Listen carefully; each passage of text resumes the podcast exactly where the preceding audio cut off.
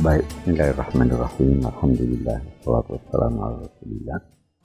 Wa ala alihi wa ashabihi wa man wala.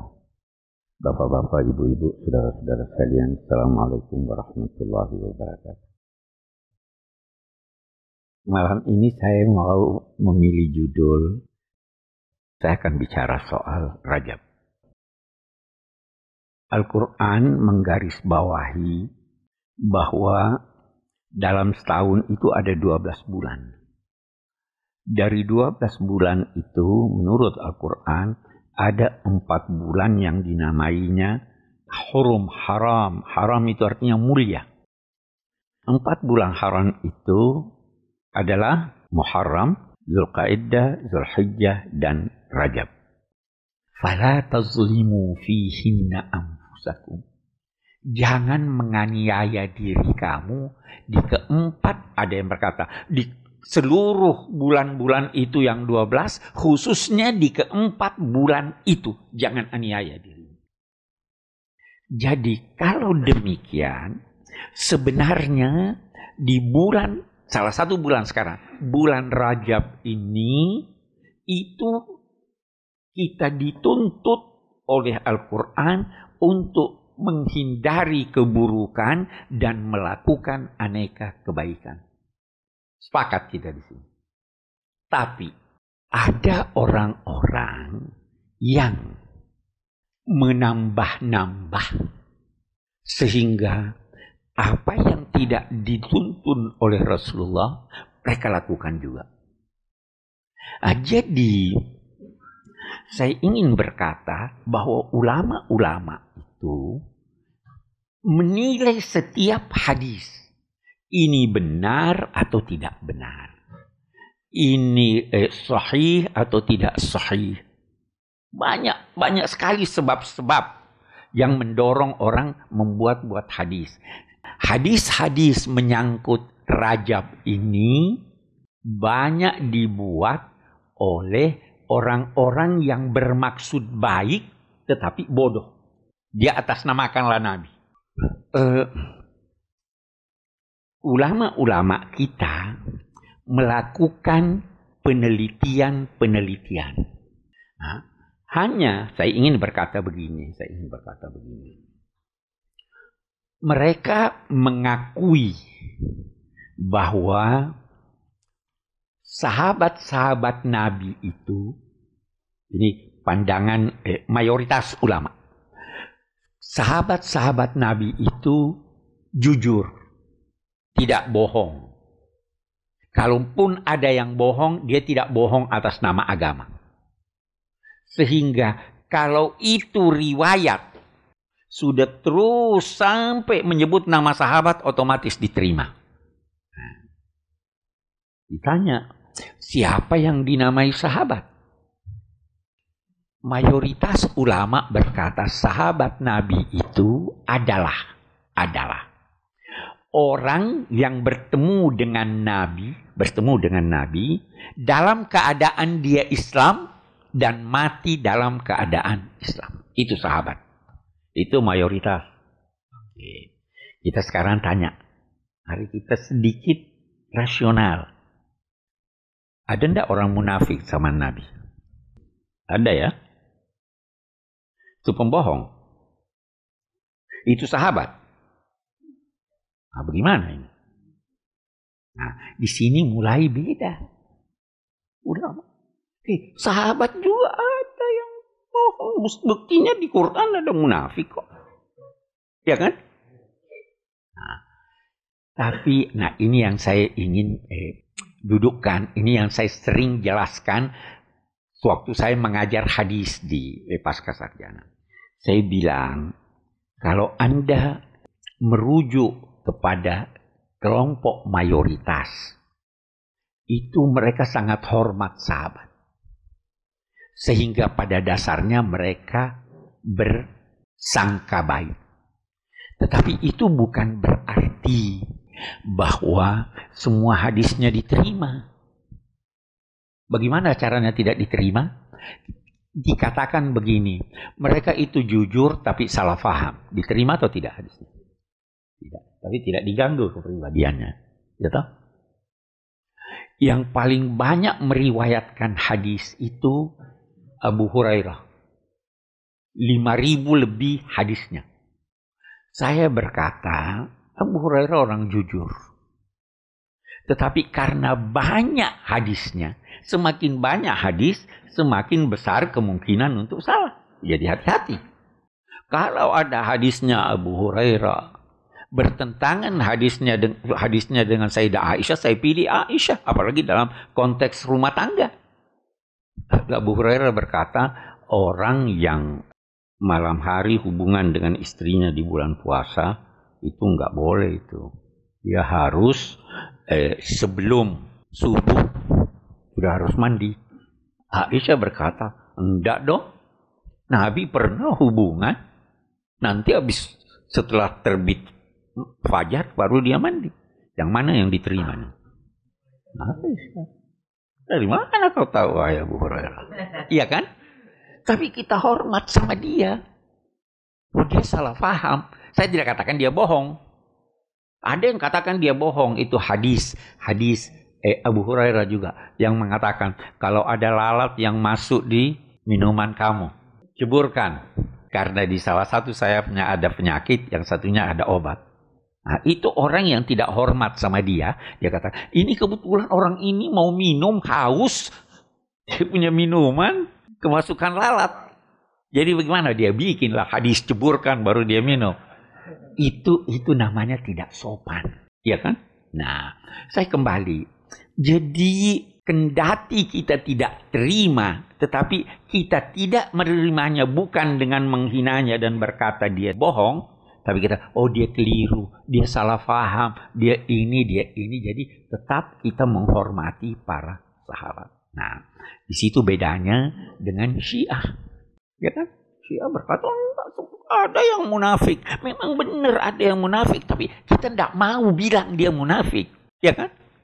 Tidak bisa kita katakan semuanya jujur.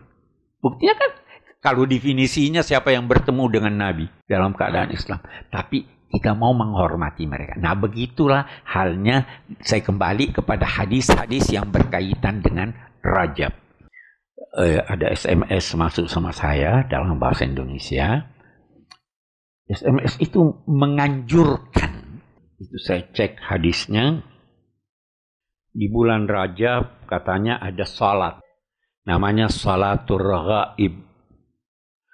Dia katakan begini, siapa yang salat pada bulan Rajab, Kamis pertama, antara Isya, yakni setelah Isya sampai subuh, pada malam Jumat 12 rakaat dia membaca pada rakaat dengan Al-Fatihah lalu inna anzalna tiga kali lalu Allahu ahad. 12 kali antara dua ru antara dua rakaat dia salam dan membaca eh, salawat sebanyak 70 kali lalu sujud membaca tasbih lagi maka orang itu akan memperoleh pengampunan dari Allah betapa banyak pun dosanya. Nah, satu rumus diberikan oleh ulama.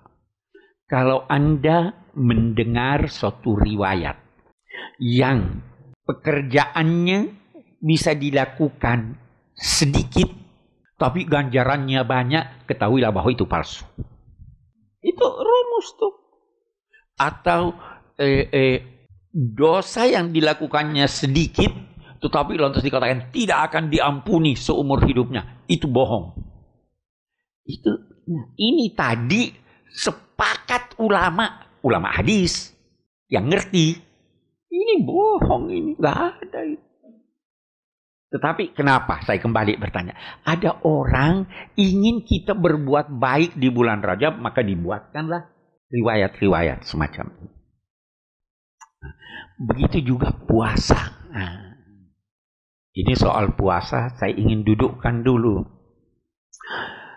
Tidak ada larangan bagi umat Islam berpuasa kapan pun kecuali dua lebaran, ya kan? Plus ayam tasyrik. Selain dari itu silahkan puasa. Tetapi Jangan anjurkan orang puasa pada bulan tertentu atas nama Nabi. Ya kan? Di, di antara SMS yang masuk sama saya bertanya, katanya bagus puasa sebulan penuh, bulan Rajab. Nabi tidak pernah puasa sebulan penuh.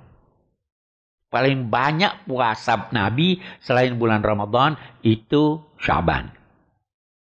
Tapi kalau Anda mau puasa di bulan Rajab, Senin dan Kamis silahkan. Mau puasa awal bulan, tengah bulan, akhir bulan silahkan. Mau puasa sehari berselang silahkan. Tapi jangan berkata karena bulan Rajab saya mau puasa sebulan atau saya mau puasa sehari. Tidak ada hadis yang sahih yang menganjurkan puasa di bulan Rajab kecuali dalam arti itu tadi.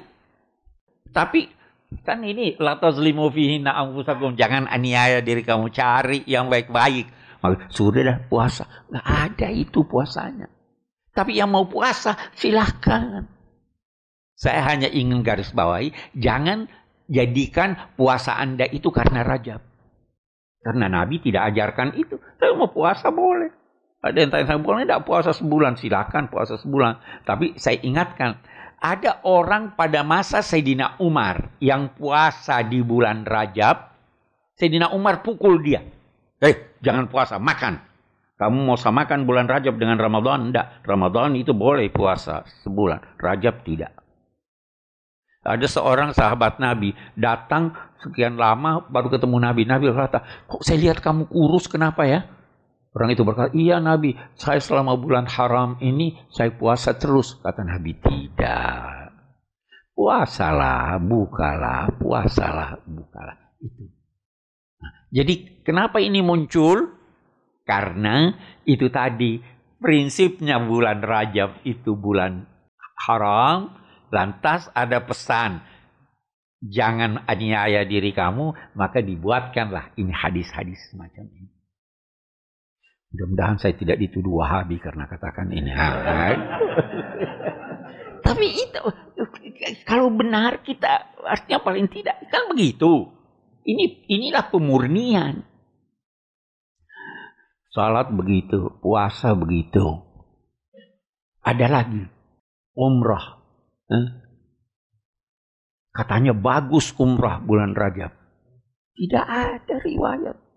Nabi menurut riwayat umrah cuma empat kali.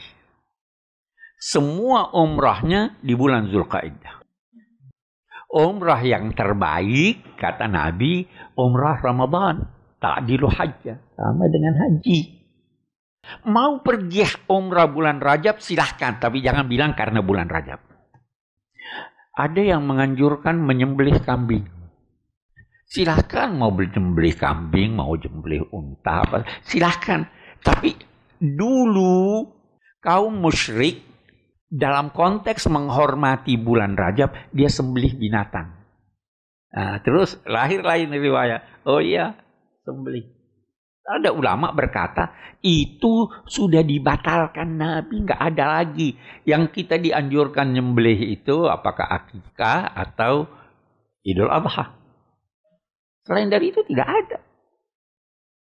Nah, eh, itu juga ada lagi yang eh, zakat katanya, keluarkan zakat.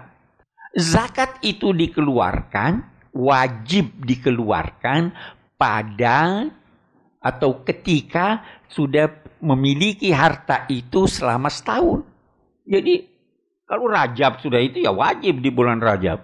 Kalau Syawal ya wajib di bulan Syawal. Setahun baru wajib memang ada ulama yang berkata boleh zakat itu dipercepat untuk Ramadan. Karena Ramadan. Tapi Rajab tidak ada yang berkata begitu. Jadi saya ingin kembali untuk berkata sebenarnya terlalu banyak dari hadis-hadis yang beredar ini yang dasarnya tidak benar.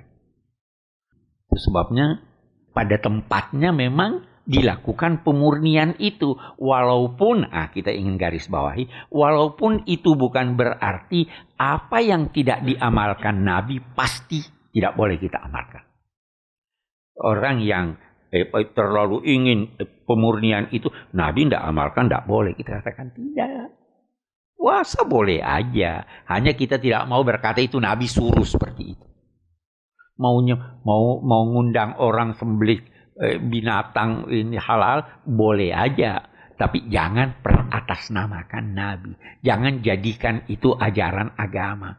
Sama halnya kalau orang mengadakan eh, tahlilan, ya toh?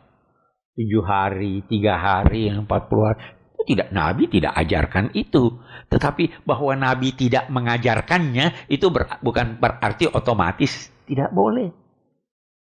Nah, jadi saya waktu kembali kepada pertanyaan-pertanyaan teman-teman itu.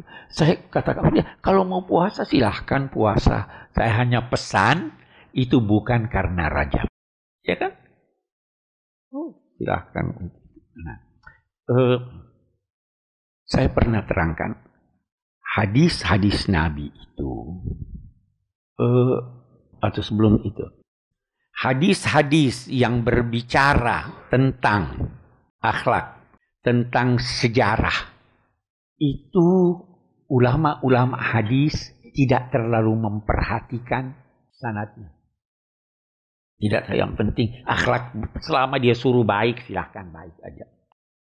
Mereka ketat pada akidah pada hukum tidak terlalu ketat. Ada yang ketat, ada yang tidak. Ada yang dinamai fadailil a'mal. Amal-amal yang baik. Selama amal itu baik ada dasarnya biarin deh. Itu ada yang bilang begitu. Puasa baik deh puasa. Puasa Asyura baik deh doa apa silahkan itu. Tapi ulama hadis berkata tidak. Jadi yang jelas kita ingin berkata bahwa Al-Quran memerintahkan kita untuk mempersiapkan diri menghadapi Ramadan melalui Rajab. Sudah latihan dari sekarang. Jangan sampai menganiaya diri kalian. Tanamkan di dalam hati kalian kedamaian. Jangan perang. Perang fisik atau perang kata-kata jangan. Jangan menganiaya orang itu salah satu hikmah dari ini.